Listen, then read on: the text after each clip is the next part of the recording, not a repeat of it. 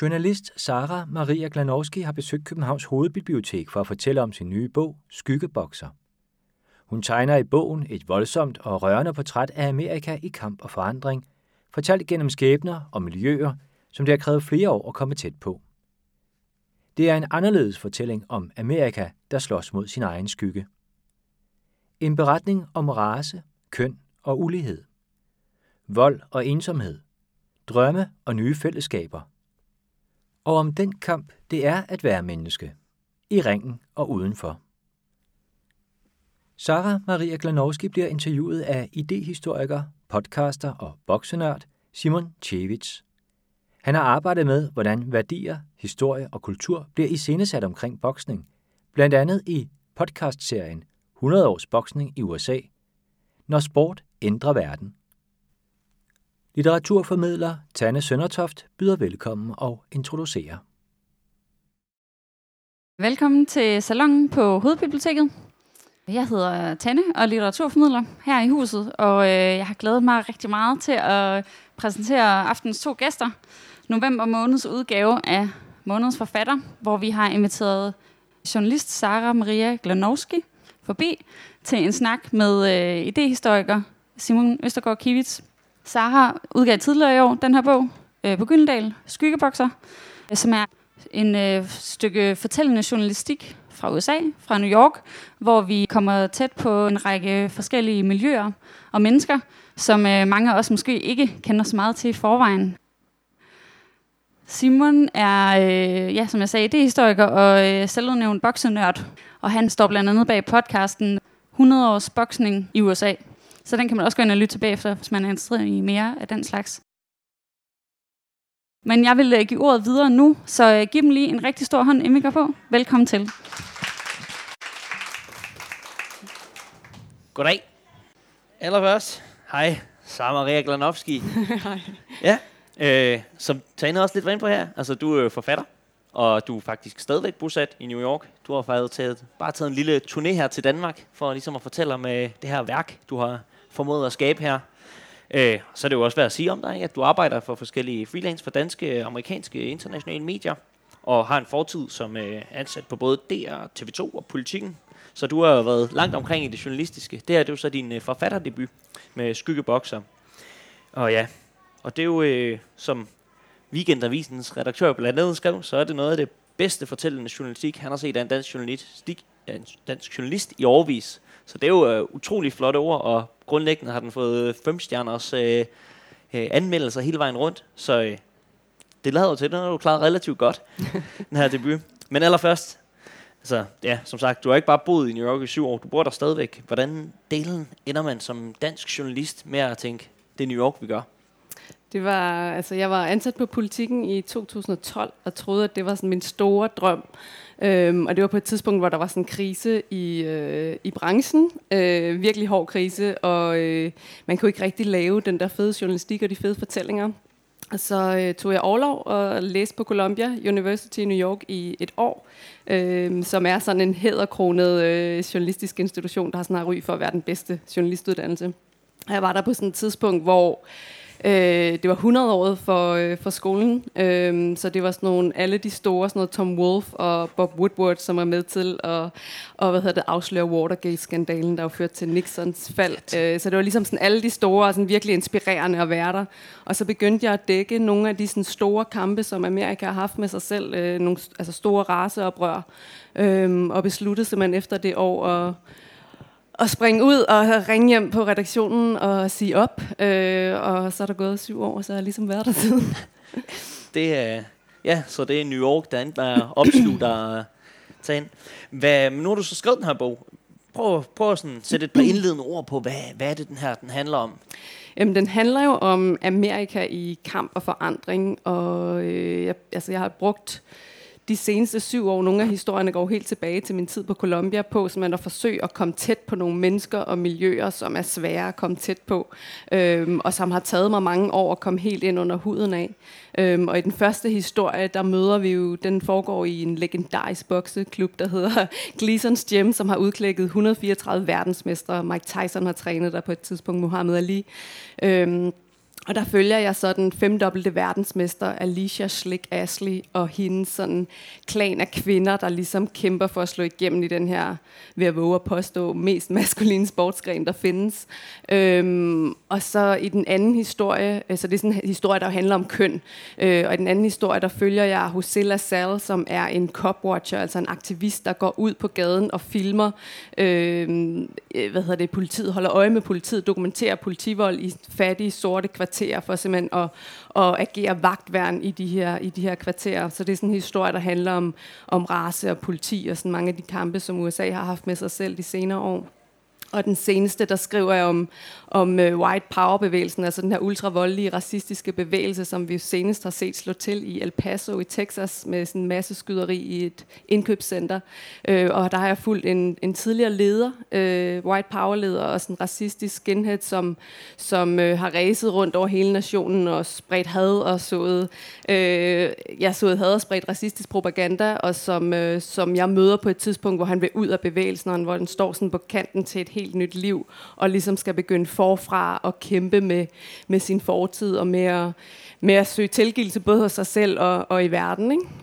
Så det så altså sådan til sammen, som skyggebokser også er, at skyggeboksning er jo sådan et, et begreb i boksning, hvor man øh, slås mod sin egen skygge, eller har sådan en mod sit eget spejlbillede, eller sådan, og, og man siger ligesom i boksning, at den største modstander, man møder i ringen, er en selv. Øhm, og, og det bruger jeg ligesom til at forsøge at tegne det her portræt af en nation, som tager livtag med sine skyggesider, altså med, med race og med køn og med ulighed og med sådan voldelig ekstremisme. Ja, så det er, det er nogle, nogle ekstreme dele af, af USA, vi har fat i her, men... Øh så ja, lad os prøve at dykke lidt ned i de uh, forskellige fortællinger. Vi har jo en uh, god time foran os nu her til at prøve at komme lidt rundt om det hele og træde med dig ind i uh, bokselokalerne og ud på gaden og sådan noget. Men lad os starte med at fokusere på den første del af, af bogen, som er det her kapitel om hende Alicia Slick, bokseren, der hedder Ring Rust. Nu præsenterede du lige Gleasons gym hurtigt.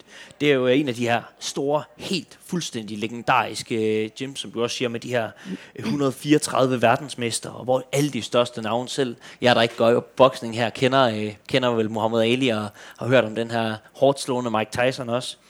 Så det er jo ikke bare et hvilket som helst sted, en eller anden sådan middelklasse dansk journalist lige træder ind her.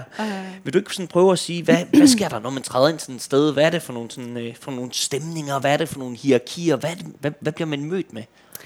Jamen altså, hvad hedder det, noget af det, som meget hurtigt gik op for mig, jeg kom jo bare for at træne, og havde aldrig set en boksekamp på det her tidspunkt, interesserede mig egentlig ikke for boksning, havde hørt tilfældigt om det her legendariske sted, og var selvfølgelig nysgerrig på det, men var også sådan et sted i mit liv, hvor, hvor jeg egentlig gerne ville have en familie og et barn, og øh, var sammen med en meget yngre fyr, som, som ikke havde lyst til at blive far i nogen sådan nær fremtid, så jeg tror egentlig, jeg kom lidt for at stive mig af og sådan toffen lidt op, sådan ubevidst. Øhm, og hvad hedder det, træder ind, og så finder jeg ud af, at øh, man ligesom, den man er udenfor, gælder altså det spiller ingen rolle inde i den her klub. Der er nogle helt andre hierarkier. Man smider ligesom sin den sociale status i omklædningsrummet, og så er der nogle helt andre hierarkier. Man bliver kun bedømt på, hvem er man i ringen.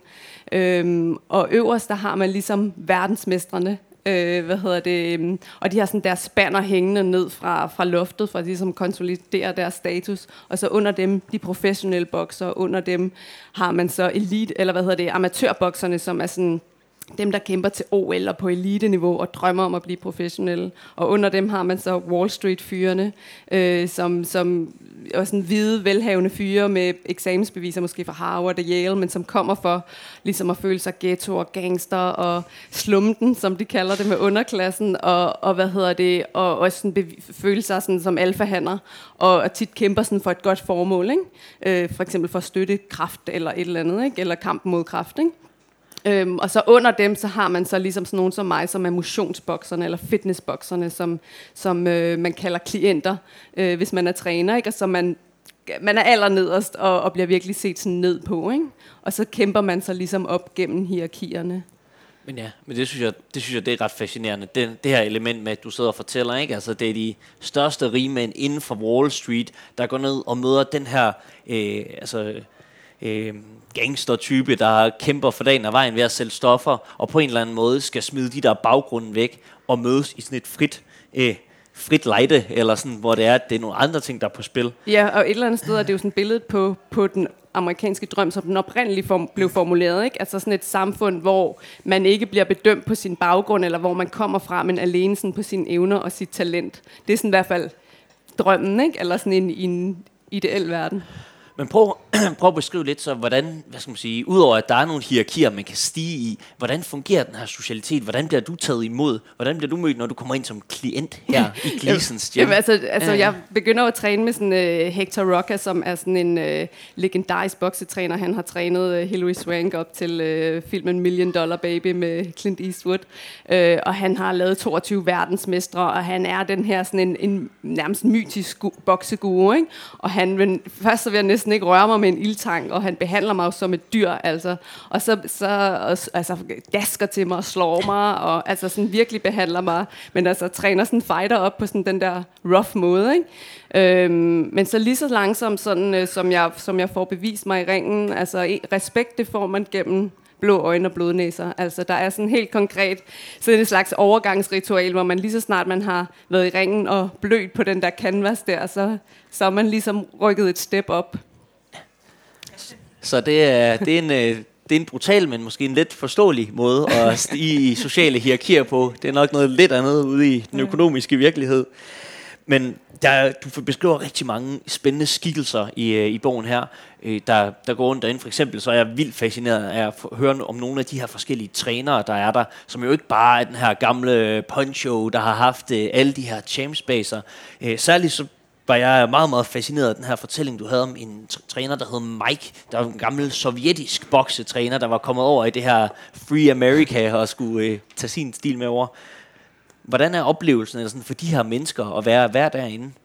Jamen altså, klubben er jo sådan øh, delt, altså jeg tror også noget af det, der fascinerede mig, fordi jeg jo selv ledte efter en familie på det her tidspunkt, og du har Hector Rocker, som er sådan en alfaderlig skikkelse, så har du øh, Alicia Slick Ashley og hendes Slick Chicks, som hun kalder de her kvinder, hun træner, som også er en familie, og så har du sådan en som Mike, som øh, er den her tidligere, så, altså træner for, for, øh, for hvad hedder det, det tidligere Sovjetunionens øh, olympiske hold, og og hvad hedder det, ligesom ser på alle sine fighter også som hans børn, og faktisk på et tidspunkt har en fighter, som, øh, hvor konen beder ham om at vælge mellem ham, altså fighteren eller konen, og hvor han ligesom vælger fighteren. Øh, og han er sådan, altså den der sådan jerndisciplin, hvor du, hvor du, hvad hedder, hvor han, altså som han står for, ikke? Altså hvor han, øh, på et tidspunkt, da han var ung, så, han, så skar han et, et, et stykke af sit øre af for at, at sende det til den kvinde, han elskede, for ligesom at vise dedikationen. Og han træner ligesom sådan sin, sin fighter med den samme sådan jerndisciplin. Øhm, og øh, altså den der vind eller dø mentalitet. Øhm, og på et tidspunkt, da en af hans fighter forlader ham, der får hans fighter, øh, modtager hans fighter sådan et, øh, en pakke fra et, en, en væbnet budbringer, hvor der ligger en patron inde i. Øhm, og han får simpelthen at vide, hvis ikke han kommer tilbage til coach Mike, så vil han ende på forsiden af, af byens aviser. Ikke? Så det er jo sådan, det er også sådan en verden, som er, altså det er jo dokument, altså det er jo, alt det her er jo rigtige skikkelser, men de er jo sådan larger than life, altså sådan, og det er noget af det, der er fascinerende ved bokseverdenen, det er, at det er sådan nogle nærmest filmiske karakterer. Og det er måske også tilbage til det her, du, øh, du nævnte med, at øh, altså det her, det er jo øh, råstoffet for fortællingen om The American Dream. Det er tit og ofte boksning, der udgør rammen for det. Lige netop måske, fordi at man ser den her mulighed for at komme fra ingenting til intet på rekordtid måske. Det fungerer i hvert fald rigtig godt i filmens verden, mm. øh, når man gør det. Men hvis vi skal dvæle lidt ved, øh, ved din oplevelse af, hvad øh, sådan et oplevelse af sådan et kæmpestort Gleasons Gym kan sige om The American Dream, øh, Altså oplever du, oplever du den her, den her lige adgang, hvor man aftaler, at når man går ind her, så er du ikke Wall Street et eller andet længere, og du er ikke den her gangster, så er du bokser, eller sådan. Øh, øh, ja, altså både, altså på et eller andet sted, så er, er hvad hedder det, boksning sådan et brutalt billede på den amerikanske drøm, fordi at, at det er, altså på den ene side, så er det jo øh, muligt at, at ligesom køre ud af, af hvad hedder det, af, af ghettoen i en skinnende ny Ferrari, ikke? hvis du har det, den, det rette talent, den rette vilje, den rette sådan arbejdsmoral, og bare arbejder hårdt for det, som jo er det, der er den amerikanske drøm. Men langt de fleste ender jo øh, med en tom bankkonto og med, med hjerneskader, ikke? så det er jo også en brutal billede på den amerikanske drøm et eller andet sted. Plus, at, at, at der er den her enorme diskrimination, ikke? At, at kvinder har jo på ingen måde de samme muligheder, som, som mænd har. Altså kvinder bliver ikke betalt, de kæmper for en brøkdel af, hvad mændene gør, de bliver ikke vist på tv.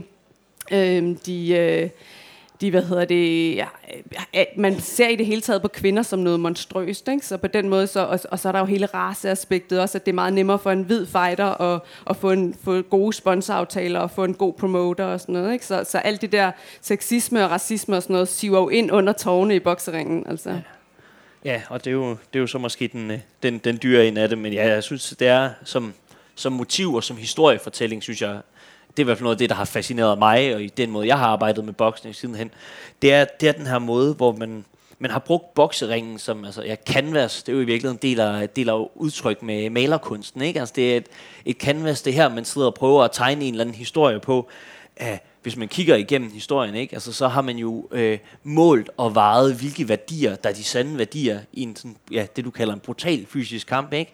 når det har historisk set været, er det de øh, irske hvide bokser, eller de, de italienske hvide bokser, der er de bedste, så betyder det også, hvis de, de italienske hvide bokser, så de italienske immigranter, der er taget til USA, mm. de kan gå med brystet skudt frem på en anden måde over for de irske, indtil det så er, at den irske bokser slår den. Så på den måde har det også været, hvad skal man sige, et sted, man har søgt hen for at finde de her fortællinger om overmagt. Mm. Og det er jo så fortsat op i historien. Ikke? Jeg ved, du, øh, vi har talt en del om øh, den her første sorte sværvægtsbokser, mm. der bliver verdensmester, der hedder Jack Johnson, Ja, altså Jack Johnson, som er min yndlingsbokser, som, er, øh, som var den første sorte verdensmester. Han blev verdensmester i 1908, øh, og på det tidspunkt, øh, hvad hedder det, altså når han vandt i ringen over hvide mænd, så brød der simpelthen raceoprør ud i hele Amerika, øh, hvor, hvor, hvad hedder det... Øh, Johnsons fans, altså sorte Johnsons fans, fik øh, halsen skåret over i et tog for eksempel af, af hvide, øh, hvide amerikanere, og hvide amerikanere sat ild til, til sorte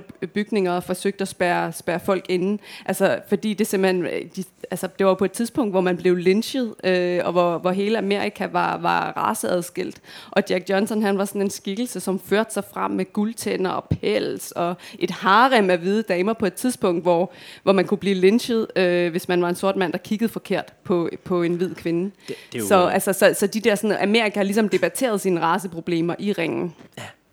Ja, det, ja, og det der, det er samtidig med, at øh, jeg ved om I kender film Birth of Nation, øh, som var sådan en det første store, gigantisk filmhit, ikke? som jo faktisk handler om lige netop det her problem med sorte mænd, der har hvide kvinder, ja. øh, hvor det er, at øh, Kuks Kuklan kommer redende ind, ridende ind og skal redde øh, den hvide kvinde fra at blive forført af den her vilde sorte mand, øh, med, til store ovationer og første, øh, første visning i det hvide hus øh, for præsidenten og alle de fromste. Så det, er, det her det er en provokation, der sker i en tid, hvor det, at det er uset, at man tør mm. føre sig frem som en sort mand. Men jeg vil gerne, øh, jeg vil gerne prøve at gå, til, gå et skridt ned i den her, det, nu taler du også om den her familieforestilling, ikke? Du kommer jo ind og øh, altså, møder de to måske fremmeste øh, kvinder inden for øh, international boksning med Alicia Slæk her og Heather Hardy. Vil du ikke, øh, vil du ikke prøve at beskrive lidt, hvad det er øh, Slick Chicks øh, setup gik ud på? Jo, altså, hvad hedder det? Altså, Alicia øh, er jo en... Øh, øh, hvad hedder, ja, det er hende, der er den femdobbelte verdensmester, og hun er samtidig så er hun også på det tidspunkt, hvor jeg møder hende, er hun øh, den ældste øh, kvinde, øh, champion i boksehistorien, altså en 49-årig kvinde, der fuldstændig dominerer en uh, ung mands sport. Uh, der har aldrig været en mand, der har været ældre end hende, en, en ældre champion, så hun har simpelthen Guinness-rekorden uh, som den ældste champion i boksehistorien. Og hun har jo så det her slæng af kvinder omkring sig, som, som uh, jeg på et tidspunkt bliver en del af, som, hun, som vi kalder The Slick Chick, som ligesom kæmper uh, altså for, for at slå igennem i den her maskuline sport. Ikke? Og så Heather Hardy er jo også, er jo også øh, en, en del af kvinderne i klubben, ikke? og har sådan omvendt historie nærmest. Ikke? Hun er sådan øh, en kvinde, der kommer fra, fra hvid underklasse. Hun har nærmest sådan en million dollar baby fortælling i virkeligheden. Altså, bortset fra, at hun ikke kommer til at tjene million dollars, fordi det er der ikke rigtig nogen kvinder, der gør i boksning i virkeligheden. Men, men, øh, men hun kommer ligesom fra sådan en hvid arbejderklasse og har tabt hele sit liv. Øh, hvad hedder det? Blevet voldtaget som ung. Øh, hvad hedder det, eller som barn i virkeligheden, og har, har, har kæmpet sig op gennem livet og følt, hun har tabt øh, hele sit liv, ikke? Øhm, og arbejder på et tidspunkt seks forskellige jobs, kan alligevel ikke forsørge sin datter og enlig mor, øh, men finder ud af, at ringen er ligesom bare det sted, hvor hun vinder, og bliver ved med at vinde, og i dag er hun verdensmester. Mm. Vil du øh, eventuelt øh, læse lidt op for bogen? Du har en øh, fin passage i starten, der ligesom øh, beskriver hende Alicia Slik på vej ind til til en kamp, Ja. øh, for vi også ligesom tager skridtet ind i klubben og ind og føler lidt, hvad det her boksning vil sige. Jeg antager, at der ikke er så mange her, der render meget rundt nede i de lokale bokseklubber, så øh, det kunne måske være fint at få en indblik i. Okay, det er simpelthen starten på fortællingen, den første fortælling. I vægtklassen Super Bantam fandtes der ikke en bedre bokser end Alicia Slick Ashley. Hun var som kviksøl på canvasen, flydende og morfisk, tæt på urørlig. Og når man allermindst ventede det, huggede hun til med en by af slag til panden, kæben og tændingen, eller en hurtig højre i solar plexus, der slog luften ud af modstanderen og krøllede hende sammen på et splitsekund. Hun var den regerende verdensmester, og vi sad i omklædningsrummet i Dort Federal Event Center i Flint, Michigan, lige inden hun skulle forsvare sit mintgrønne WBC-bælte, det mest prestigefulde VM-bælte i boksning. Det lå udstrengt på bænken ved siden af hende, og inde i salen rungede publikum. Slik, slik, slik. Slik var min træner og mit forbillede. Hun havde vist mig skønheden i boksning, da jeg året for inden så hende kæmpe i Brooklyns Aviator Arena, dengang hun slog den ubesejrede irske verdensmester Christina McMahon. Erobrede sin femte verdensmestertitel og snuppede Guinness-rekorden som den ældste champion i boksehistorien. Jeg sad fortryllet i mørket sammen med resten af slænget fra Gleasons Gym, den legendariske bokseklub i Brooklyn, hvor Muhammad Ali og Mike Tyson har trænet, og jeg havde aldrig set noget på en gang så graciøst og brutalt. Hendes krusede hår stod trodsigt op i luften som en romersk gladiatorhjelm, og hun nærmest svævede, vægtløst og elegant som en ballerina, mens hun rykkede sin modstander rundt i ringen med en skakstormester strategiske overblik. Man siger, at døden følger en bokser som en skygge, men når slik trådte ind gennem tårne, var det som om hun dansede med den. Holdt den i et fast førergreb og smøg sig rundt om hooks, jabs og uppercuts, så let og ubesværet at slag så ud til helt at glide af på hende. Hun var en torn i øjet på tiden. En snart 50-årig kvinde i en ung mands sport, og samtidig stod yngre kvinder i kø for at overtage hendes VM-titel. Alicia snørrede boksestøvlerne, skruede op for Bob Marley på sin telefon og lukkede øjnene. Det var efterår, oktober 2016, og næsten et år siden hun sidst havde haft en kamp. Hun kunne mærke ringrusten gnave. Den frygt, der langsomt begynder at tære på en fighter, der har været ude af ringen for længe. Som jern, der ruster og smuldrer, æder den sig ind i maven af det alter ego, man har skabt for sig selv og knækker små flager af ens panser. I ringen er frygten den største modstander. Den gør døden nærværende. Man mærker sin egen skrøbelighed og begynder at reagere som et menneske. Jeg havde fulgt kvinderne i Amerikas ældste aktive bokseklub i flere år. Rejst og trænet med dem, fået blå øjne af dem, siddet i mørke baglokaler på små taburetter og set dem spytte blod og tandstumper ud. Skålet med dem, når de vandt og fundet en familie og et fællesskab i den mest ensomme og nådesløse sport, der findes. Alicia stod majestætisk bag mig på høje hæle, dengang jeg selv debuterede som fighter med hamrende hjerte, blod på handskerne og adrenalinen brusende under huden. Hun var dronningen af Gleasons Gym og den gamle boksegue Hector Rockers fighter. Han havde trænet 22 verdensmester, men hun var kronen på hans livsværk, og de havde kæmpet i Las Vegas, Mexico City, Buenos Aires og Pyongyang i Nordkorea. Når hun gled gennem salen under sin sorte hættekåbe som en lille funklende skygge af satin, gik han altid bag hende med den ene hånd alfaderligt på hendes skulder, holdt tårne, når hun gjorde sin entré, vandede hende mellem runderne og smurte hendes ansigt ind i vaseline. Han var hendes tredje øje og sad som på nåle i hendes hjørne og råbte, kill her og beautiful baby, hver gang hun sendte sin modstander i knæ. Og han skød stolt brystet frem, viftede med det jamaikanske flag og vred sine krogede fingre i et håndtegn, der signalerede, at hun var nummer et, når hun fik det ikoniske WBC-bælte om livet og endnu en gang blev verdensmester. Hector lagde sine remedier frem på bænken. Saks, tape, vatpinde, ispose, latexhandsker, spændte en bøtte vaseline om armen og tog et håndklæde om nakken, mindede hende om kampstrategien og begyndte sirligt og omsorgsfuldt at vikle hendes knor ind i gase, hen over håndledet og ind mellem fingrene. Der var altid noget magisk ved omklædningsrummet før en kamp. Det er den puppe, hvor en fighter transformerer sig og skifter ham, bliver tapet op og svøbt i satin, for derefter træde ud som sit alter ego. Men Alicia virkede distræt og nervøs. Hun vandrede hvileløst rundt i rummet og lavede fejl på pletpuderne, når hun øvede sine slagkombinationer. Og derfra går alting ligesom galt, ikke? Ja, ja og det synes jeg, det, det synes jeg sådan, som kontrast for, som så på en gang også er det samme, øh, samme hvad skal man sige, gruppe ikke, mellem hende her, Alicia og Heather. Det er også her, vi ligesom kommer ind i din bog og sådan fornemmer øh, ja, hvad skal man sige, den underliggende sexisme og den underliggende racisme, der selv inden for kvindeboksning jo opleves. Og sådan, vil du ikke prøve at sige noget om deres muligheder øh, i, i boksning, og hvordan de bliver håndteret og taget imod af den her industri? Jo, altså, hvad hedder det... Mm, Jamen på en, en eller anden måde, så er de ret øh, sådan, symptomatiske for, for hvor, altså, hvad der skal til for, at man, man kan slå igennem som kvinde. Altså på den ene side, i, for at blive accepteret som fighter i klubben, der skal du ligesom smide en rem af din femininitet. Altså, der bliver set ned på at være feminin i, i Gleasons hjem. Altså, der er ligesom nogle maskuline værdier, man ligesom klynger fast til. Så når man er i klubben, skal man ligesom smide alt, hvad der er feminint. Men hvis du skal sælge dig selv og slå igennem i branchen, så bliver du nødt til at spille på sex. Og, øh, og, og der hjælper det, kan man se, Altså Alicia er en 10, 20, 50 gange dygtigere bokser end, end Heather er. Men hvad hedder det? Men Alicia eller hvad hedder det? Heather er er hvad hedder det hvid og, og hvad hedder det og yngre og, og feminin øhm, og hun er meget nemmere at sælge for promoterne og sælge til sponsorer og sælge til øh, magasiner og sælge til medierne. Øhm, så så det er også noget man kæmper med altså.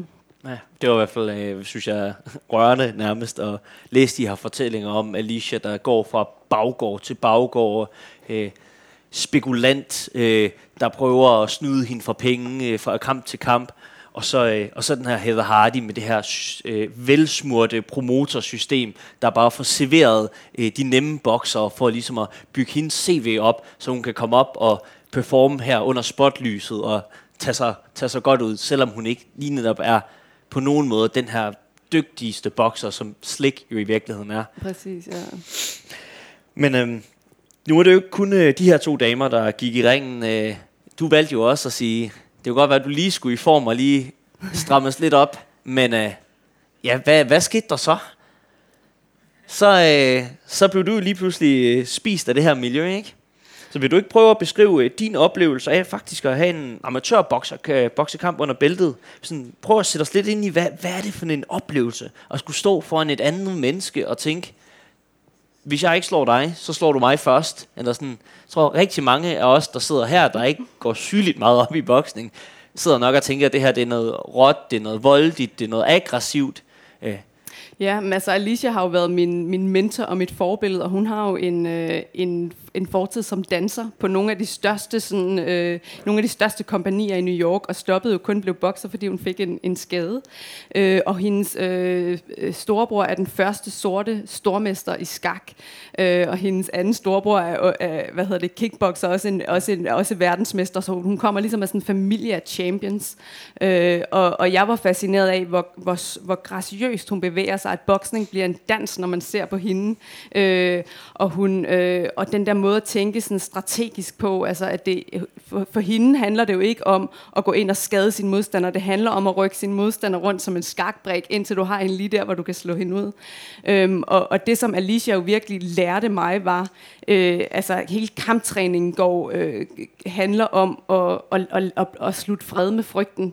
Øh, altså for, for mig og for Alicia og for de andre kvinder, jeg mødte, der handlede det ikke så meget om din modstander. Det handler, det er en kamp, du har med dig selv og med din egen frygt og med din egen tvivl. Og det er også det, der handler, altså boksning handler om, at du, altså, det er en kamp, du har med dig selv, lige så meget som det er en kamp, du har med din modstander. Øh, så den måde, hun ligesom trænede mig op på, og hele, hele kamptræningen handlede simpelthen om at, at, at få et skud frygt øh, skudt ind i årene hver gang, hver gang altså sådan, simpelthen blive overmandet i ringen, og hele tiden lære, lære frygten at kende. Øh, men altså, jeg var fuldstændig, der, inden min første kamp, der var jeg fuldstændig i panik og tænkte, jeg dør. Øh, altså, man kunne virkelig mærke den der dødsangst, ikke? Øh, og, og hvad hedder det, vågnede om natten og, og havde, havde sådan drømme, hvor jeg blev forfulgt og alt det her. Ikke? Øhm, men, men lige så snart jeg var i klubben, følte jeg mig egentlig sikker. Altså, det var mere sådan uden for klubben, jeg var, jeg var bange. Øh, og så lige så snart, så tror jeg at faktisk, hun fik mig lært, øh, altså, øh, hvad hedder det, fik, lærte mig frygten at kende, ikke? Altså fordi sådan en som Mike Tysons træner, som er sådan en nærmest en boksefilosof, øh, har sagt, at, øh, at hvad hedder det, frygt er som en ild, altså den kan brænde dig ud, ud og den kan brænde dig ned, øh, og den kan brænde dig op, men, men du kan også få den til at arbejde for dig. Øh, så hvis du ligesom lærer frygten at kende og kan se igennem den, så, øh, så er den din bedste ven i ringen. Og det jeg jo oplevede var, at jeg blev fuldstændig rolig, og simpelthen, altså, lige så snart jeg trådte ind i ringen, at jeg kunne mærke, lige så snart jeg fik det første slag, kunne smage blod i munden, så var det som om min, min frygt havde, eller min, min krop havde været der før, så altså, mine sanser blev simpelthen skarpere, og jeg kunne, kunne se alting øh, meget tydeligere og meget hurtigere. Det var som om, jeg så alting i slow motion, så hendes slag lige inden hun sendte dem afsted, og kunne til gengæld ikke høre ret meget, men, men min sygsans blev, blev meget, meget stærk og, og helt rolig. Inden i ræset alting, ikke?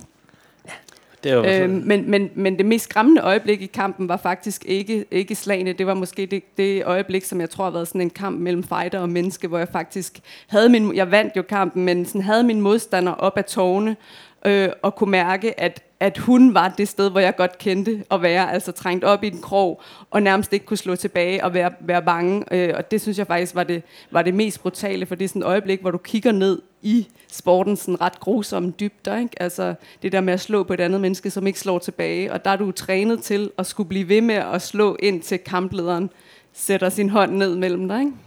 Og det er jo så der, hvor man kan sige, at der lykkedes det måske ikke helt at få taget det menneskelige af der ud af ringen. Nej, jeg kunne simpelthen, altså, men det var også fordi, på det tidspunkt vidste jeg, at jeg havde vundet kampen. Mm. Hvis hun havde slået igen, havde jeg selvfølgelig ja. fortsat med at slå, men jeg kunne mærke, at jeg havde vundet. Havde holdt faktisk igen, øh, og havde ikke lyst til at skade hende. Altså. Ja.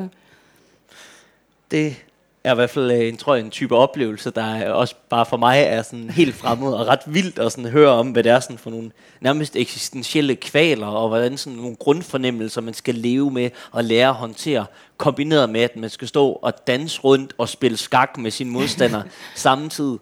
Det er, det er i hvert fald, øh, jeg synes, det er sådan materiale, som, øh, som helt, helt mytologiske ting er jo lavet af på en eller anden måde.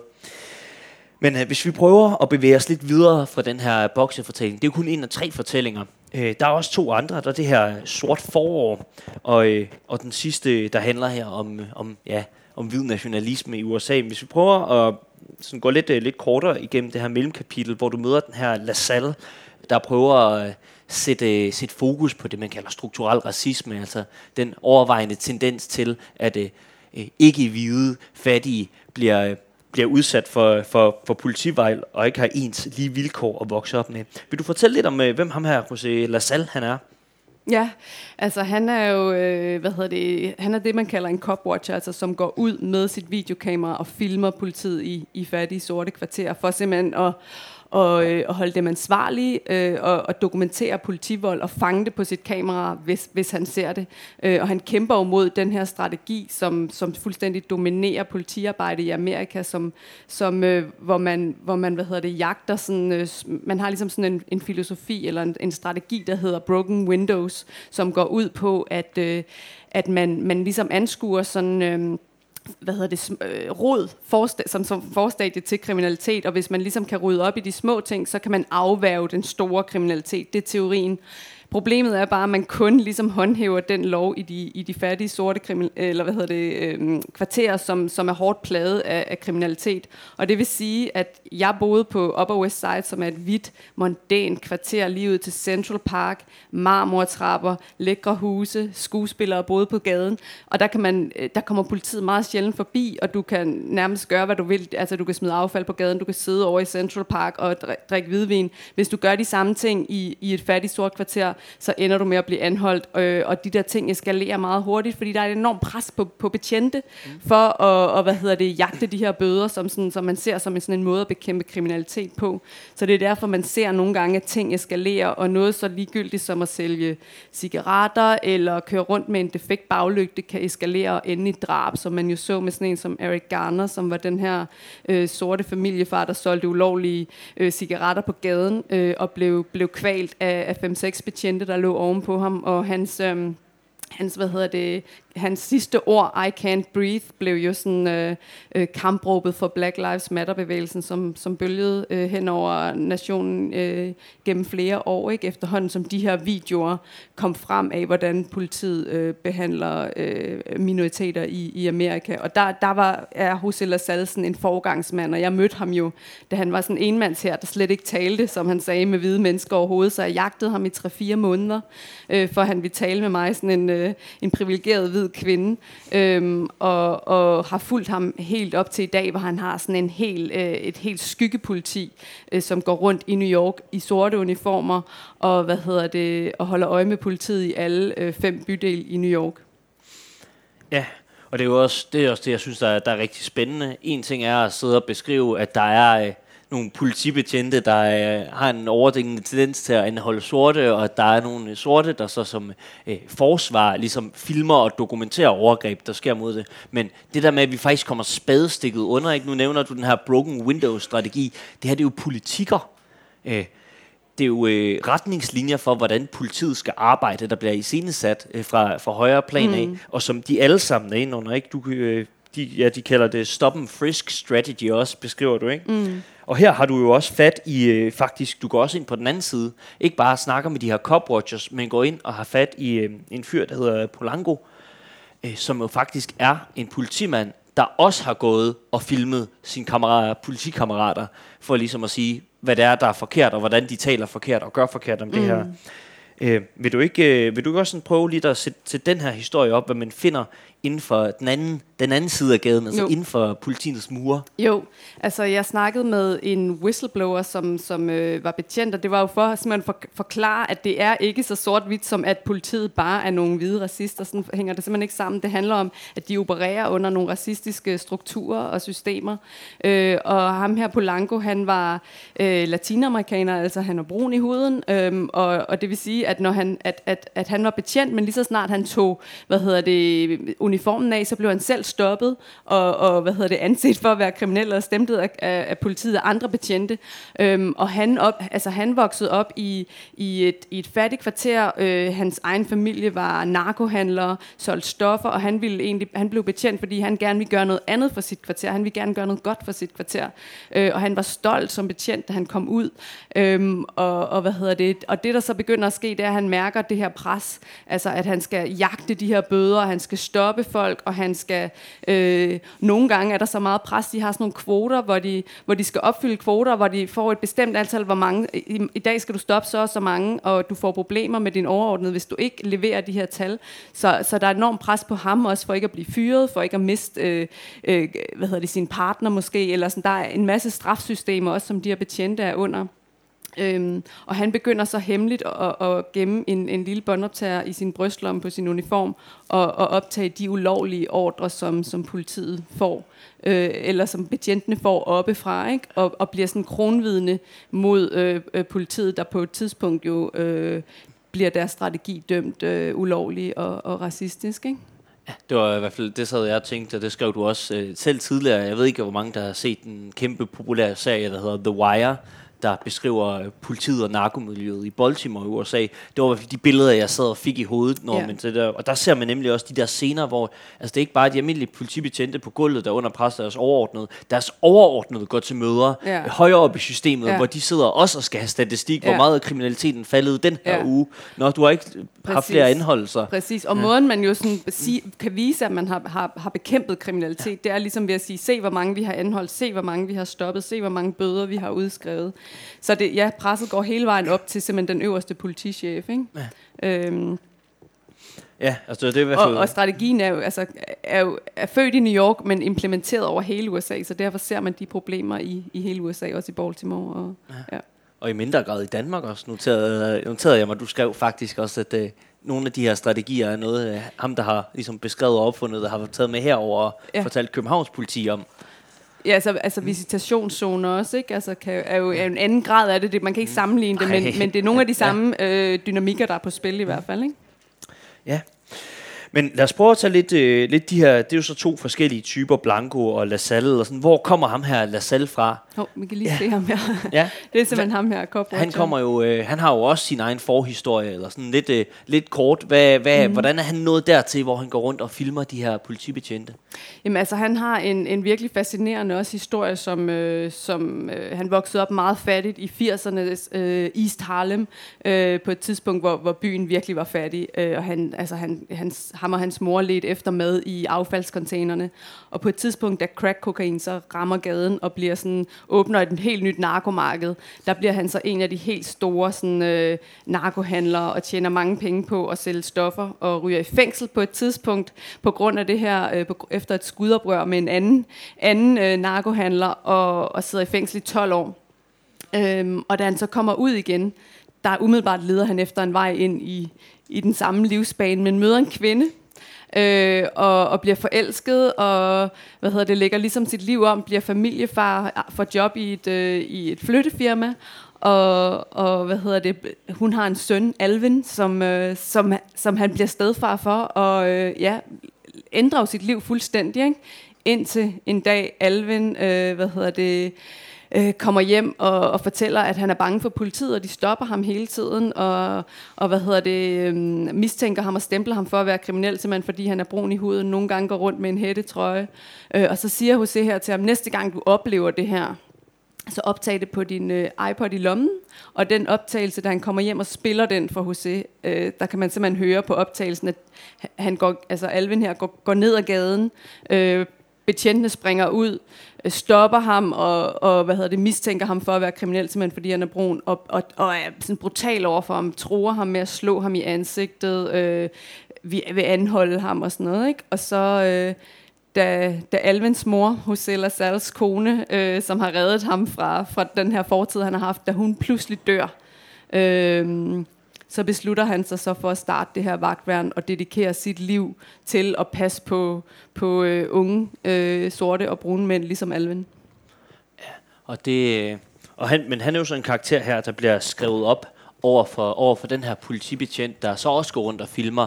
Hvad er det, øh, ham her politibetjenten, han får fanget øh, hos sine kollegaer, og hvordan bliver han modtaget, når han rent faktisk stiller sig op og siger, det vi gør her, det er ikke okay, og det følger faktisk ikke øh, de retningslinjer, vi bør følge, og det uddannelse, vi ligesom har taget. Jamen, der er sådan et begreb øh, inden for NYPD, altså politiet i New York, som er sådan den, den mægtigste politistyrke i Amerika, som hedder, altså man kalder det the blue wall of silence, altså en, en blå mur af stillhed, altså at, at man ligesom ikke sætter spørgsmålstegn, og man ikke øh, gør oprør mod noget, der foregår bag den blå mur, altså de her blå uniformer, det er derfor, man kalder det den blå mur. Øh, og han prøver ligesom at gå til sin overordnede, og bliver så bare mødt med næste dag, at der er skrevet rotte, altså rat, sådan en, der har, en, der har hvad hedder det, sladret, ja. ikke? altså en sladerhank, øh, på, hans, på hans skab, på sit arbejde, og han bliver sådan lige så langsomt hængt ud, ikke? Og, øh, og ender jo faktisk øh, med at, at, at blive degraderet, og simpelthen få taget sin pistol og sit, sit skilt fra sig, ikke? Og, og, og de erklærer ham simpelthen mentalt forstyrret, ligesom de har gjort med mange andre, der har gjort, forsøgt at gøre det samme som ham. Ja, altså så, øh, så er det politistyrken, der træder ind for højere ting, og få dem tvangsindlagt ja. med det samme og erklæret. Det er, det er i hvert fald, det synes jeg var relativt, relativt hård læsning at, at høre, hvordan at, hvad skal man sige, den samme bandementalitet. Ja, og altså hvis man kommer ud i, i sådan, øh, hvad hedder det, øh, fattige sorte kvarter, så oplever man jo simpelthen, altså så er der jo banderne, man skal navigere på den ene side, og så er der politiet, som man op, opfatter som, som en, en anden bande, og bare den farligste bande, fordi de kan anholde dig, de kan smide dig i fængsel, og de har licens mm. til at dræbe nærmest, ikke? Ja. Hvordan øh, med de her to skikkelser, der kommer fra to forskellige steder, og sådan ligesom prøver at lave det her opgør. Hvor ser du den, den kamp hen? Er der noget, er der noget, der tegner på noget på forsoning? Du har været her, du har været i New York i syv år. Ser du, at ser du et potentiale for, at de her ting ændrer sig, bliver bedre? Altså, jeg synes faktisk, Lasalles historie er, er, er, er et meget godt symbol på det, fordi han, Øh, Øh, I dag der har han altså der har han opbygget den her her, ikke? Øh, og det, det bliver egentlig bare altså for hvert drab der sker, for hver øh, politi øh, overgreb der bliver begået, jo, jo større bliver øh, kløften og mistilliden mellem øh, politiet og borgerne i de her fattige kvarterer.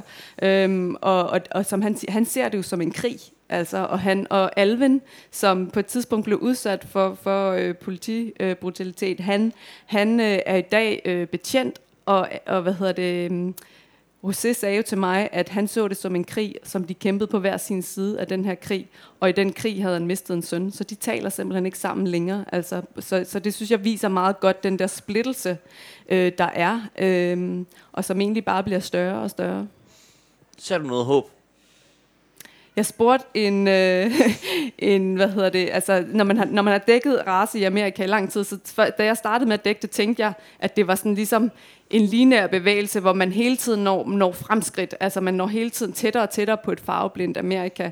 Øhm, men det, som er det frustrerende ved at dække det her emne gennem så lang tid, det er jo, at det er jo mere sådan en bølgende historie, som går, nogle gange går den op, nogle gange går den ned, og, og alle de tiltag, som Obama egentlig øh, satte i værk for at komme nogle af de her ting til livs på sådan en national plan, de blev rullet tilbage under Trump, lige så snart Jeff Sessions, øh, den tidligere justitsminister, kom til, kom til magten. Øhm, men jeg spurgte en gammel sort panter, øh, om, om hvad, som, som jo har lavet det samme som hos Lassalle, bare, bare meget tidligere i 60'erne, og de var meget mere radikale, de, men de ville jo også afskaffe politivold blandt andet, de ville også alt muligt andet. Men deres sådan, nummer et mission var at afskaffe politivold, og de var sådan meget mere radikale og patruljerede politiet med shotguns. Øh, og jeg spurgte ham, som i dag er sådan helt antivåben og, og i dag hjælper, hjælper unge øh, med at, at, at komme ud af bandelivet og spurgte ham, hvor han så håb henne. Øh, og han sagde, det gjorde han i den unge generation, altså dem, som er født efter 96, og som er den første generation i Amerika, hvor størstedelen ikke er, er hvide. Øh, og så, er der, så sker der også en masse sådan... Øh, hvad hedder det, politisk mobilisering, altså der er kommet en hel masse andre øh, stemmer ind, altså kvinder er kommet ind, øh, sådan en som Alexandria Ocasio-Cortez, altså en ung kvinde fra Bronx, altså der, der sker mange ting, som er sådan modreaktioner, en politisk mobilisering, som, som, som de her ting også har sat i gang, ikke? Jeg er glad for, at øh, den her del af fortællingen, at der i var et eller andet, en stemme et eller andet sted, øh, lille crack, hvor lyset kunne komme ind. øh, ellers på en, på en, på en trist og, og hård historie, og en, ja, virker som om, at det bliver øgende forrådet, eller sådan, ikke? Den sidste historie, der er i den her bog, er jo så, øh, ja, god gamle Henry, som vi skal have fat i. Den ja. øh, tidligere nynazist, ja. måske nuværende. Ja. Det er det, vi også skal lidt finde ud af. Det her, det starter med noget med en jødisk biker og en masse tatoveringer, Hvordan, øh, hvordan dalen kom du til at opsnuse den her historie og den her karakter? Øh, ja, altså på det tidspunkt skrev jeg øh, klummer for øh, en, et, øh, en amerikansk, øh, noget der hedder Mike, sådan en amerikansk øh, medie, online medie, og øh, havde hørt om den her øh, læge slash øh, biker, øh, som kø- drøner rundt på Manhattans Lower East Side på sådan en champagnefarvet Harley Davidson. Øh, og hvad hedder det? Øh, han fjerner så bandetatoveringer gratis, simpelthen for at hjælpe øh, hvad hedder det, bandemedlemmer ud af bandelivet og hjælpe dem til en, til en ny start.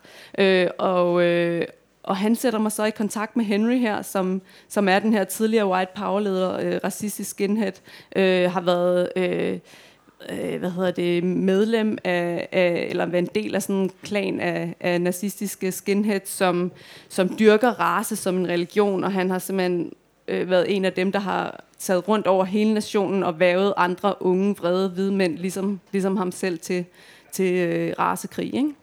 Og han vil så, øh, han har så, øh, skal have fjernet de her tatoveringer, og, øh, og jeg møder ham så øh, på klinikken der øh, for allerførste gang, to uger efter han er blevet løsladt efter 12 år i fængsel. Og, ja. og jeg tror, en af grundene til, at han vælger at tale med mig, er jo, at han, han gerne vil bryde endeligt med, med bevægelsen, og ligesom tage den magt fra ham, og, og give bevægelsen fingeren man ved at, at, at, at, at, at tale med mig, og tale imod bevægelsen. Og det er jo det, jeg synes, der er spændende i den her fortælling. Der er ligesom to øh, modstridende transformative spor, ikke? Der er hele hans historie fra fængslet af, hvad skal man sige, en radikaliseringshistorie, og så det her... Øh, det her forsøg på at transformere sig ud mm. af det univers, man har lukket sig ind i også, og måske har lukket sig om sig også. Vil du ikke, øh, men vil du ikke starte ind i fængslet og tale, fortælle os lidt om, hvordan, øh, hvordan ender en, en ung punker, der øh, bare har lyst til at høre noget øh, rockmusik, der faktisk måske også er øh, lidt øh, antikapitalistisk eller et eller andet. Hvordan ender sådan en øh, med lige pludselig at barbere hovedet skaldet og gå og godt kan lide svastikaer? Jamen, han blev simpelthen radikaliseret i fængsel. Altså, han, kom, han kommer fra en rigtig hård barndom. Øhm, hans, hans mor drak, hans øh, far forlod, forlod øh, ham og hans mor i, i en ret tidlig alder. Hans stedfar øh, slog ham, og, og hvad hedder det, han bliver så skinhead. Og det, som mange nok ikke ved, er, at skinhead-bevægelsen faktisk er delt i to. Altså, der er sådan de antiracistiske skinheads, og så er der sådan de racistiske skinheads. Øhm, sådan groft sagt, de der to spor, ikke? Øhm, og, og han ryger ind for, for noget vold i, som ret ung, og så finder han ud af, at, at øh, øh, hvad hedder det, det amerikanske fængselsvæsen jo er sådan de facto raceadskilt, og du bliver nødt til ligesom at, at tilhøre en bande. Øh, og hvis du er hvid, øh, så, så, så tilslutter dig du de, de hvide fængselsbander, og altså, da han kom ind i fængslet første gang, der blev han overfaldet, overfaldet i badet, øh, hvad hedder det, folk løb ind i hans celle, tog hans ting, slog ham, øh, så på et eller andet tidspunkt fandt han ud af, at hvis han ville have beskyttelse, så måtte han, øh, så måtte han hvad hedder det, join op med de andre bander. Øh, og det var, det var sådan, han, øh, selvom han egentlig ikke troede på ideologien i starten, øh, og så sagde han også, at, at, øh, at, at noget af det sådan et stærkt minde, han havde øh, fra sin tid i fængslet, var, at der var, der var nogle af de andre, de ældre, som, som øh, tog ham hen foran et spejl og sagde til ham, du er noget særligt, fordi du ved. Og som han sagde, sådan, for, for nogen, der ikke havde så meget sådan, selvværd og følte sig som særlig meget, øh, der, der, der, øh, der gjorde det ret meget at, og ligesom få en identitet og føle sig magtfuld. Øhm, Bedre end andre, i hvert fald. Ja. Så man ikke laves i hierarkiet længere, præcis, som det måske præcis, kan føles, når præcis. man har en far, der er forladt en, og en mor, der heller vil drikke. Og, og da, han, altså, da han så kommer ud, så, øh, så hvad hedder det, finder han så øh, den her klan af, af nynazistiske skinheads, og, og ender med at og sådan stige hierarkierne ret hurtigt, og blive det, man kalder en præst, som, som tager rundt og væver andre, og, og øh, spreder budskabet. Men der, hvor du så møder ham, det er jo så i den, i den anden transformation, heldigvis, der også kan finde skade, ikke? Altså transformationen ud af det her. Hvad er det, man som øh, nykommende ud af fængsel skal igennem? Hvad, hvordan forsøger man at slippe af med den her fortid? Hvordan kan man komme videre og komme over det her? Hvad er man op mod? Jamen altså, hvad hedder det? Han, han, øh, han bliver simpelthen nødt til, eller han bliver på et tidspunkt sat i isolation, da han vælger at forlade øh, miljøet her. Det er jo sådan en lang øh, proces, men mens han sidder i fængsel anden gang, øh, han er røget i fængsel for at simpelthen sparke døren ind til et sort ægte par, overfalde dem med baseballbats, mens de ligger og sover. Øh, så han har været sådan ultra voldelig. Øh, og, og mens han så øh, øh, sidder i fængsel, finder han ud af, at altså alt, alt det her, som han, han har gjort det her som sådan et, et, et værn mod, mod, øh, mod traumerne, dem han selv har haft, og det var nemmere ligesom at, at have nogle andre, i, i stedet for at se alt det i øjnene, han havde ved sig selv. Øh, og og det, det tager ham sådan ret mange år ligesom at tage skridtet til at, at træde ud, men han træder sig ud, mens han sidder i fængsel, og ender med at blive sat i isolation, fordi de hvide fængselsbander simpelthen vil slå ham ihjel. Øh, og så han sidder i isolation i i omkring fem år, inden han øh, træder ud af miljøet. Og det er sådan blot in, blot out, altså at man, han selv har, har tæsket øh, jøder, øh, homoseksuelle, hvide antiracister, øh, sorte, for at komme ind og blive accepteret, og at man så, når man træder ud igen, øh, så bliver det samme gjort mod en, bare fra ens egen bande, ikke? Øhm, ja, hvad er det? Som en raceforræder? Var som det ikke en raceforræder, ja, som, som de kalder det. Ja, ja som, som simpelthen forråder den hvide mand. Men hvad er, det så, hvad er det så, han finder ud på den anden side? Hvad, er der af, af åbninger, af glimt, af muligheder for ham? Hvordan prøver han at sætte en hverdag op, hvor han ligesom kan bearbejde de her ting, komme videre og prøve at starte et nyt liv? Jamen altså, der er jo ikke i USA, er der ikke sådan et exit-program eller et system, der griber dig på nogen måde. Øhm, han, hvad hedder det, øh, er, altså det han siger, er jo, at noget af det sværeste er, er, at lige pludselig har du ikke et broderskab, du har ikke en familie, du har bare dig selv, øh, og du har ikke en identitet længere, og man skal finde ud af, hvem er man, når, når man, man har været vant til at have, have magt og status, øh, og hvem er man så, når alle de her nazitatoveringer forsvinder, så er man bare en taber, som han selv siger, altså, øh, og, og, og, og sidder der alene på sådan et motorvejsmotel, hvor han skal sidde, øh, fordi han er på prøve, prøveløsladelse, som er sådan midt i ingenting. Så da, da jeg besøger ham, tænker jeg at han er en, er en bombe, der, der venter på at på at, at enten springe i luften, eller gå tilbage til miljøet, eller bliver, bliver slået ihjel, eller et eller andet, ikke? Øhm, eller gør et eller andet dumt. Øhm, men det går ham jo godt i noget tid. Altså, han, han bliver gift, møder en kvinde, som har jødiske aner, øh, og, og, og det er jo øh, sådan, øh, så tænker man, okay, så er du virkelig kommet videre, altså når du har giftet dig med, med dem, som du, du har kaldt ærkefjenden. Øhm, så, så, øhm, så det ser ud til at gå rigtig godt i, i flere år, faktisk. Og det er jo så lidt sjovt, fordi der, i, i den første del der med, med Gleason Jim, der er de her underlige familiemotiver, ikke? Lassalles oplevelser er også at prøve at stifte en familie. Altså ham copwatcher, ja, ja, ja, andre copwatcher på gaden. Ja, ja, præcis. Og så igen her er der, er der noget med nogle familieskift, der også ja. træder ind igen. Er det ja. det her familiemotiv, der ligesom går igen? Prøv at sætte nogle, nogle ord på det.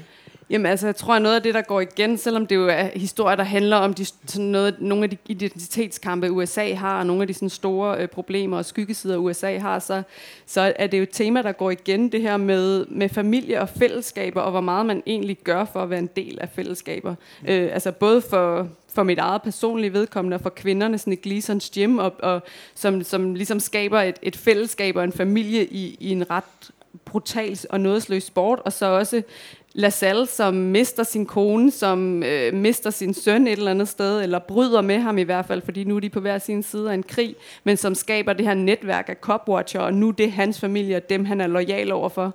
Og så Henry, som også har haft en, en, øh, er trådt ind i sådan en familie af racistiske skinheads, og som virkelig kæmper med øh, at, at blive ude af det her miljø, og har svært ved at, at få, få livet og, at, at hvad hedder det, forsone sig med sin egen familie, med sin egen mor, øh, med sine egen børn, da han kommer ud, som, som han har svært ved at genoprette øh, øh, hvad hedder det, forholdet til, og ryger ind i en dyb depression, og da fortiden så pludselig banker på, har han svært ved at modstå dem. Ja, og det er jo så, øh, det er jo så her, hvor det, ja, for dem, der ikke har læst den færdig, så kan det godt være, der måske kommer lidt spoiler. For hvor, hvor er ham her Henry nu? Hvordan, øh, hvordan ender den her historie? Den ender et, et, et mørkt sted, som jo på mange måder minder om, om Amerika. Ikke? Altså, han bevæger sig jo tilbage i sin fortid og, og sidder i dag øh, fængslet. Jeg ventede et år på at komme ind og besøge ham. Øh, han havde været ude i en dyb, dyb depression, og øh, jeg kunne ikke komme i kontakt med ham i, i et års tid øh, og måtte så vente yderligere et, et års tid på at besøge ham i fængslet, øh, som den eneste ud over hans kone, hvor han sidder nu og er anklaget af FBI simpelthen for at være præsident i en ny øh, angrebsstyrke i, i White Power-bevægelsen, øh, og har smuglet øh, både våbendel og, og metamfetamin op og ned af den, af den amerikanske østkyst. Og har siddet inde i flere år nu, ikke, og venter sådan set stadig på sin dom. Mm. Så han fik ikke skabt øh, ja, der var ikke et særligt stærkt exit-program. Familie omkring ham var ikke nok til at... Nej, og det der jo, altså på mange måder minder hans historie lidt om den film, der hedder American History X, hvis I har set den, som jo også handler om sådan en, en, øh, en, en nynazistisk skinhead, der træder ud af bevægelsen, men den har jo sådan en Hollywood-slutning på en måde. Den har også en mørk slutning, fordi øh, lillebroren øh, bliver skudt, men, men, men han lykkes jo med at komme ud, men den, jeg har faktisk læst den biografi, som den er baseret på, og i den biografi, der, der, øh, der, der hovedkarakteren her, han, han ender med at sidde med en, øh, med en pistol i munden og være et, et klik fra at skyde sin egen hjerne ud, simpelthen fordi, at, at, øh, at det, der sker, når man, når man træder ud af de her voldelige bevægelser, siger folk, der, der arbejder med folk, der, der kommer ud af de her ultravoldelige miljøer, er, at pludselig skal du tage stilling både til alle de traumer, som bevægelsen har, været, øh, har beskyttet dig imod, som du har fortrængt, mens du har været en del af bevægelsen, men du skal også tage stilling til alt alt det, du har gjort, altså alle dem, du har smadret, alt, alt det vold, du selv har begået. Øh, så det er sådan et, et, et øh, mørkt og, øh, hul, du mange ryger ned i, altså som han også selv gjorde med, med en dyb depression, ikke? og står sådan på kanten og vipper. Altså jeg havde fornemmelsen af, at, at det, kunne, det kunne have gået begge veje. Ikke? Mm. Hvis vi prøver at betragte her til sidst, hvor det sådan den her den her øh, nye hvide nationalisme, racismebevægelse, eller sådan. Hvordan ser du den her Henry-skikkelse? Ser du ham som en sådan symptomatisk skikkelse på, en, på en, noget større, en bevægelse i USA, eller har du bare lige fanget det vildeste af det vilde her? Nej, altså jeg ser hans, altså når jeg, når jeg har snakket med, med folk, der, der, øh, der hjælper øh, folk ud af bevægelsen, så, så er det folk, øh, så er det sådan noget med at være på... Altså, rigtig mange kommer fra ødelagte hjem, og rigtig mange er på jagt efter en mening, efter en identitet. Øh, hvad hedder det? Og, og, og samtidig så den her, noget af det, som, som jeg også skriver rigtig meget om, ofte den her offermentalitet, han har. Han har ligesom sådan et et, altså at han ser ligesom sig selv som et offer, og, og, og grunden til, at jeg synes, det er så vanvittigt interessant, det er fordi, at, at øh, det spejler sådan øh, hele Amerika, at der er en stor del af det hvide Amerika, som ser på sig selv som ofre for, et, for at demografien ændrer sig, og at, at øh, faktisk, når man spørger sig over halvdelen af, af, af hvide amerikanere, føler, at der bliver diskrimineret imod dem, og at det er en lille smule synd for dem. Øh, hvad hedder det? Og, og, øh, og, og hvad hedder det, det er jo faktuelt forkert på alle mål, målige og tænkelige parametre, men det er ikke desto mindre en følelse, som mange hvide amerikanere har, øh, og som, som, øh, som han jo bare er sådan et, et, et, et ekstremt billede på, ikke? Den her sådan offermentalitet.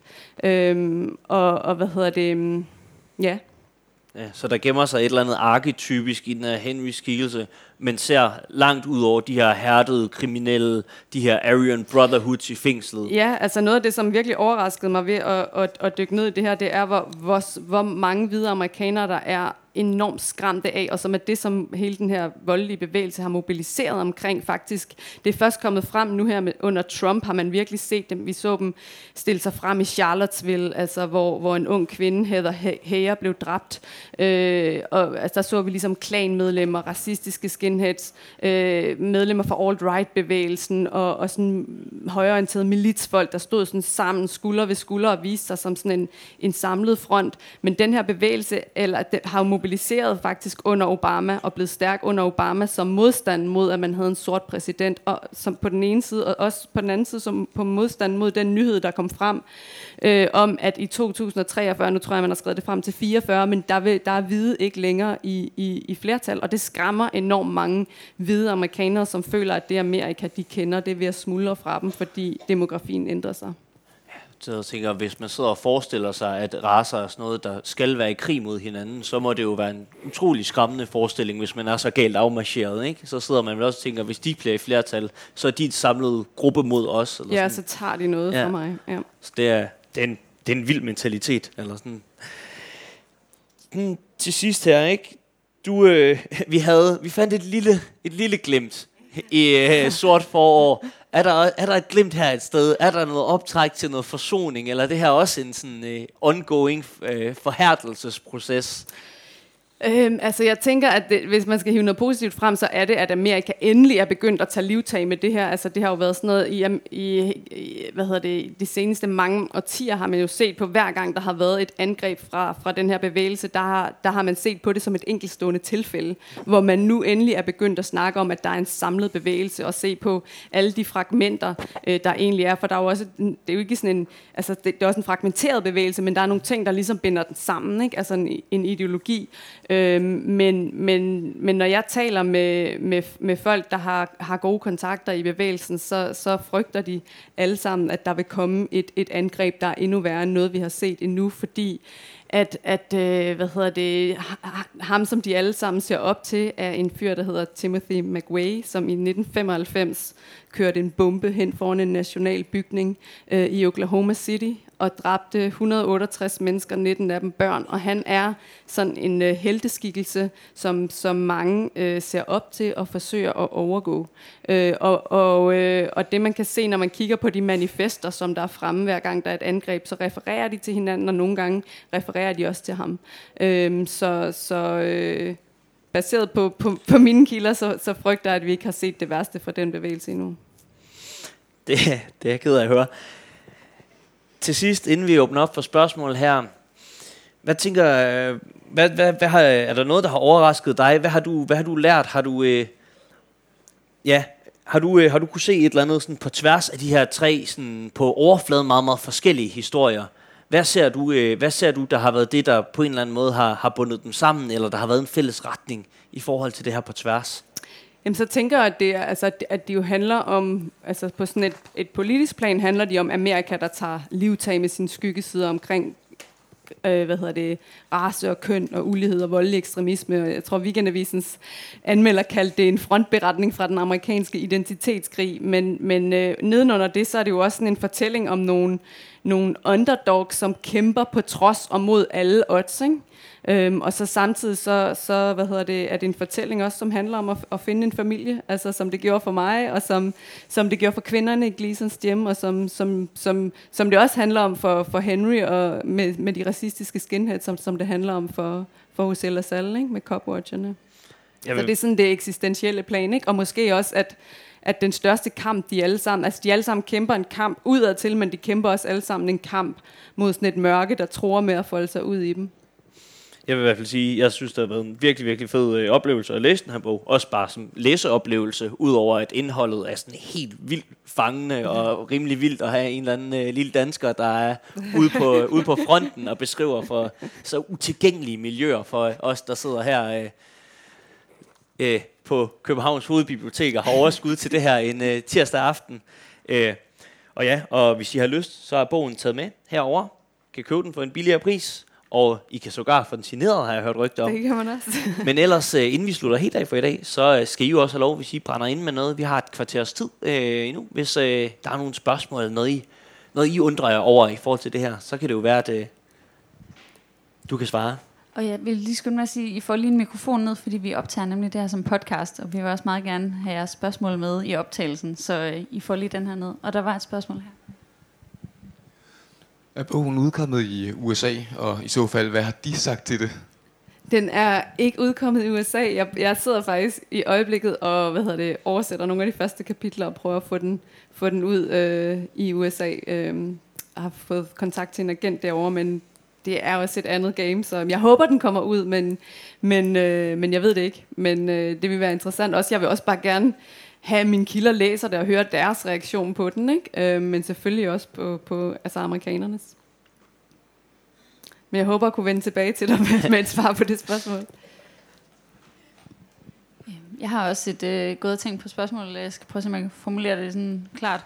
Øhm, du siger, at øh, USA er ved at tage livtag med nogle af de her problematikker, og, øh, og, men også, at de øh, har været i Danmark og forklaret om, hvad, øh, hvad, hvordan de, sådan, de der, øh, hvordan politibetjentene arbejder derovre, for at vi skulle lade os inspirere os af det her måske. Jeg tænkte bare, om de måske øh, kunne lade sig inspirere lidt af os, også i forhold til for eksempel det her med exit-programmer eller noget velfærd, der kunne... Altså fordi det her med offermentaliteten, mm. altså man kan jo godt sige, at ham her Henry har været offer mm. på et eller andet tidspunkt i sit liv for Absolut. noget, noget øh, Absolut. Hvad hedder det, um, manglende omsorg og så mm. videre. Ikke? Altså, så der er jo også noget der, hvor de måske kunne tage noget med fra, fra, fra velfærdsstater øh, som Danmark. Øh, tror, ser du det ske? Er det noget, der er en opmærksomhed omkring? Altså det er der jo i nogle miljøer, ikke? Er der jo, men det, men der er jo sådan en helt anden... Øh, man ser jo på kriminelle på en helt anden måde. Man ser ikke... Øh, altså man har jo heller ikke de samme, sådan, øh, de samme øh, hvad hedder det, um, samarbejde mellem skole og politi, som man har herhjemme for eksempel. Altså det der, hvad hedder det, SPS herhjemme, ja. eller hvad det hedder. Altså, øh, altså man ser mere sådan øh, kriminelle som om, at når du først har været ude i en kriminel løb, løbebane, så er du ligesom doomed for life. Altså de har jo også meget hårde straffe, og man, man har ikke det der menneskelige perspektiv overhovedet. Altså man, man, man bliver bare stemplet som kriminel på en helt anden måde. Øh, men der er, der, der er mange organisationer og sådan noget, som også har været jamen, altså, i Europa og, og studerer og sådan noget, men, men, øh, men hovedtendensen er absolut ikke på den måde. Men altså, der, der sker der ting, altså der er der bølger, der kæmper for, for øh, at reformere hele, altså det er jo hele fængselssystemet, det hele retsvæsenet, øh, men det er jo sådan nogle virkelig tunge ting, som vil komme til at tage mange generationer, og som jo også kræver en politisk vilje, som der bare overhovedet ikke er lige nu, ikke? Så, så det er virkelig også en, en, en politisk ting, altså som, som, som hvem, altså hvis, hvis der kommer et magtskifte, øh, så er der åbnet døren til, til nogle helt andre ting, ikke? men som det ser ud nu, nej. ja, I byder bare ind, hvis I kommer i tanke om noget. Ellers så, øh, Ellers hvis så, du sidder og brænder noget, Simon, så... Altså, jeg, jeg har masser af spørgsmål til det her, så jo mindre I siger, jo gladere er jeg. Øh, men nej, øh, endelig, endelig stik fingrene i vejret, hvis det er. Jeg er interesseret i, øh, hvad skal man sige, nu har vi talt meget om indholdsdelen af både mm. nogle af de mere sådan, øh, litterære overvejelser i det her, ikke? Altså, hvordan du har behandlet det her materiale, og hvordan du har været ude og indsamle det og sådan noget. Du har sagt til mig, at du har brugt over 2.000 timer i det her Gleasons Gym, det her øh, boksested her. Hvordan delen øh, får du arbejdet med øh, de her historier og fortællinger? Altså, du kan jo ikke bare gå rundt med en notesblok foran der og skrive ja. ned, eller sådan. Nej, men altså, det er jo sådan en tradition, altså sådan, den her sådan... Øhm narrativ journalistik eller litterær mm. journalistik er jo sådan en, en tradition, som, eller en genre, som er relativt lille i Danmark, men som jo faktisk er kæmpestor i USA.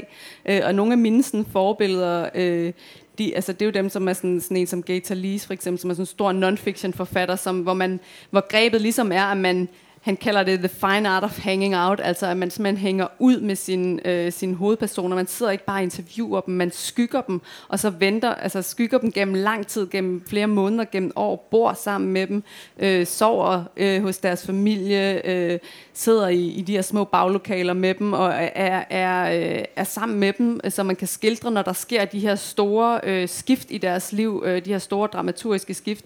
Så man arbejder jo sådan som en dokumentarfilminstruktør, ikke? Altså som om man skulle filme en dokumentarfilm nærmest, ikke? Øh, og venter på, at der sker de her øh, store øh, øh, hvad hedder det, vendepunkter i deres liv.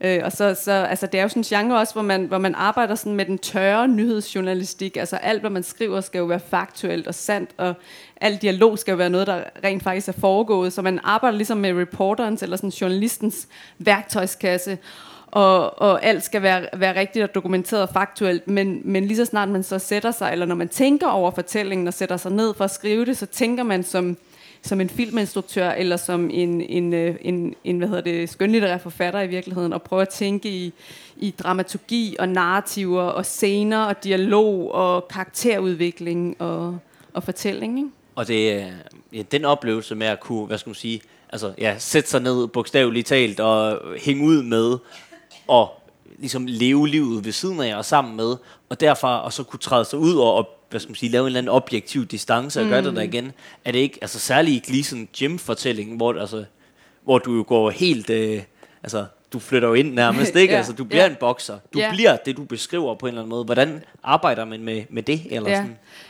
Hvad hedder det, jeg tror, at sådan det, det, når man skal følge karakterer, eller som jeg jo kalder dem, fordi jeg tænker på dem som, som filmisk, ikke? men sådan, altså, når man følger mennesker gennem så lang tid, så har jeg, jeg har det sådan, at jeg nærmest skal føle en form for forelskelse i starten, mm. lige meget hvem af dem det er, om det er så en gammel dame, en ja. ung mand. Så en eller anden fascination er det jo i virkeligheden, ikke? men hvor man bare ikke øh, kan få nok at vide om det her menneske, og bare er vildt fascineret, og så udvikler det sig jo langsomt, og så er det ligesom sådan en kærlighedsforhold, så på et eller andet tidspunkt, så begynder man at, og, hvad hedder det, blive træt af det her menneske, og se alle dets fejl og sådan noget, ikke? Øhm, og, og, og have fået nok, og så er det ligesom som regel der, man sådan træder lidt tilbage, og så, så sætter sig ned og, og, og kan se sådan mere objektivt på det, ikke? Men altså, det er også en subjektiv form for journalistik. Ikke? Jeg, jeg siger jo også, hvad, jeg, hvad, hvad mit, det er jo min personlige øh, indtryk af at har dækket de her mennesker igennem mange, mange år. Ikke? Men som, som jeg også synes er en, er en tættere på sandheden form, end hvis du bare sådan springer ned med faldskærmen nærmest som journalist, og sådan dækker et, øh, interviewer et menneske i, i kort tid i en uge, eller et eller andet. Altså mange af sådan nogle store biografier, som, som bliver udgivet, er jo, er jo baseret på, på, øh, på, at man sidder med et, et menneske og bare interviewer det, og sådan nærmest fortæller det til historie, som, som vedkommende selv ser historien. Ikke? Ja, altså du, du, du øh, en ting, jeg i hvert fald også stusset over, som bogen også næsten slutter med, det er den her Henry-skikkelse igen. Ikke? Æh, hvis man forestiller sig, at en journalist er gået ind, taget et interview, gået mm. derfra, skal mm. skrive beretning, ikke? du sidder og har haft den her øh, årlange relation til ham, kommet helt tæt på ham, siddet og hørt øh, rigtig, rigtig dårlige 80'er punk med ham, og du er stadigvæk i tvivl om, hvor meget han manipulerer med dig. Ja.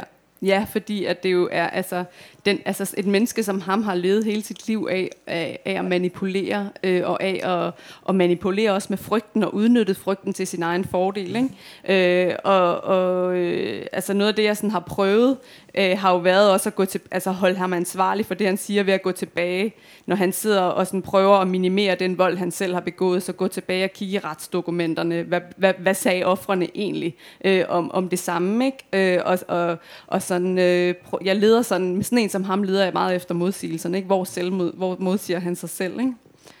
Fordi øhm. det, jeg tænker, det må da være kontrastfuldt i forhold til den her øh, journalist med lige dumper ned, der kan få ja. et enkelt interview. Ikke? Det, det må vel være svært at lave den her øh, kildekritiske vurdering, som du efter flere år stadigvæk må arbejde med? Eller ja, sådan. så har jeg brugt min egen tvivl også. Ikke? Altså, jeg tror, han selv er i tvivl om, om, om sig selv. Jeg tror, alle omkring ham er i tvivl. Ikke? Og hvis, nu vil jeg ikke afsløre det, men sådan, når man læser den, så, så altså, så, har, så tror jeg, at man sidder med en tvivl om, kunne det, altså, er han blevet fanget på det forkerte tidspunkt, eller er han den nye præsident, ikke?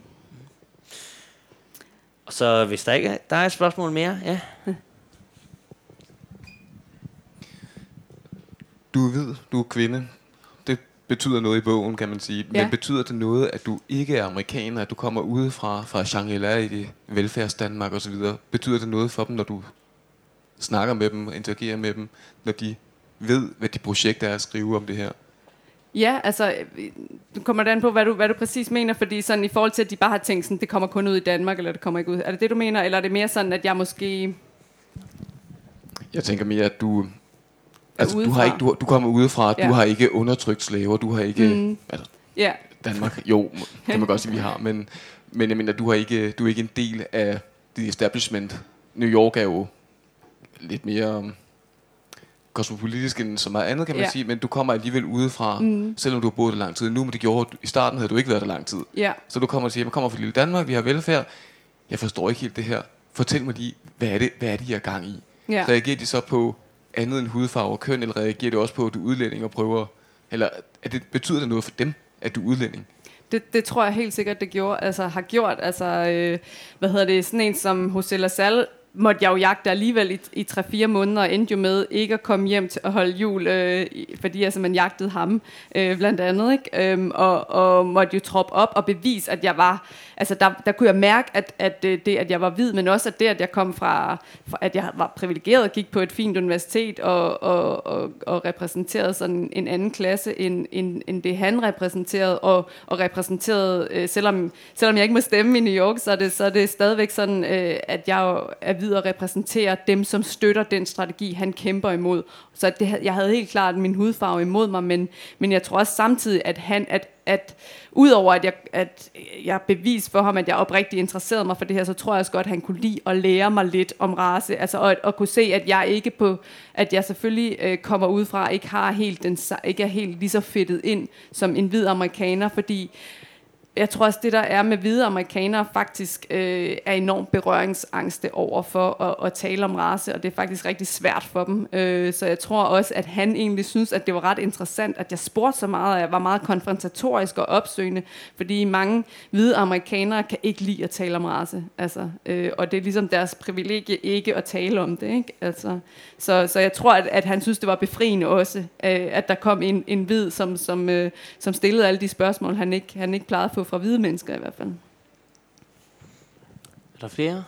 Ellers så har jeg det sidste, vi kan lukke af med her.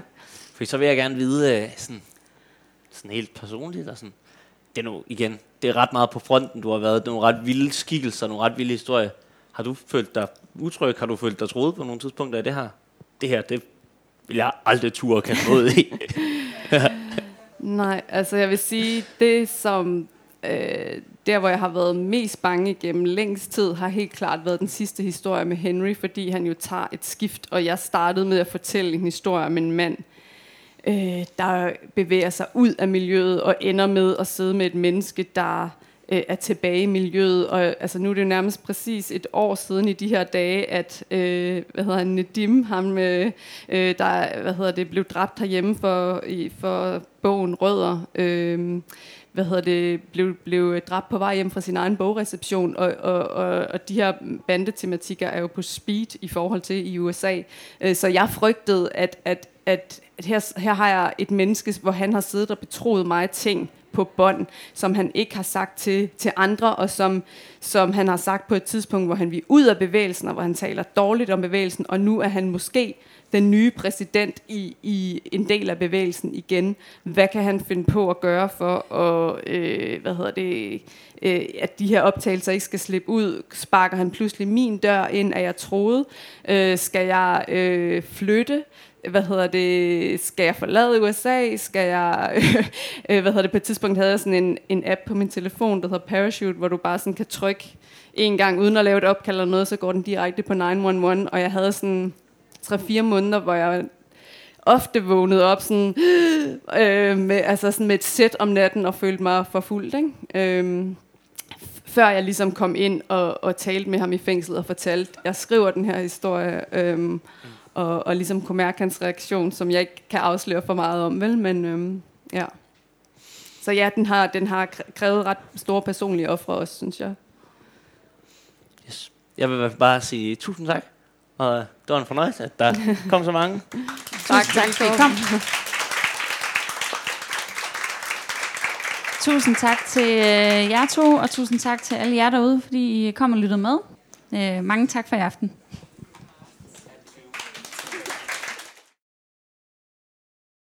Du har lyttet til en podcast fra Københavns Biblioteker. Du kan finde flere podcast på bibliotek.kk.dk-lyd. Eller skriv månedens forfatter i søgefeltet i iTunes, din podcast-app eller på Spotify.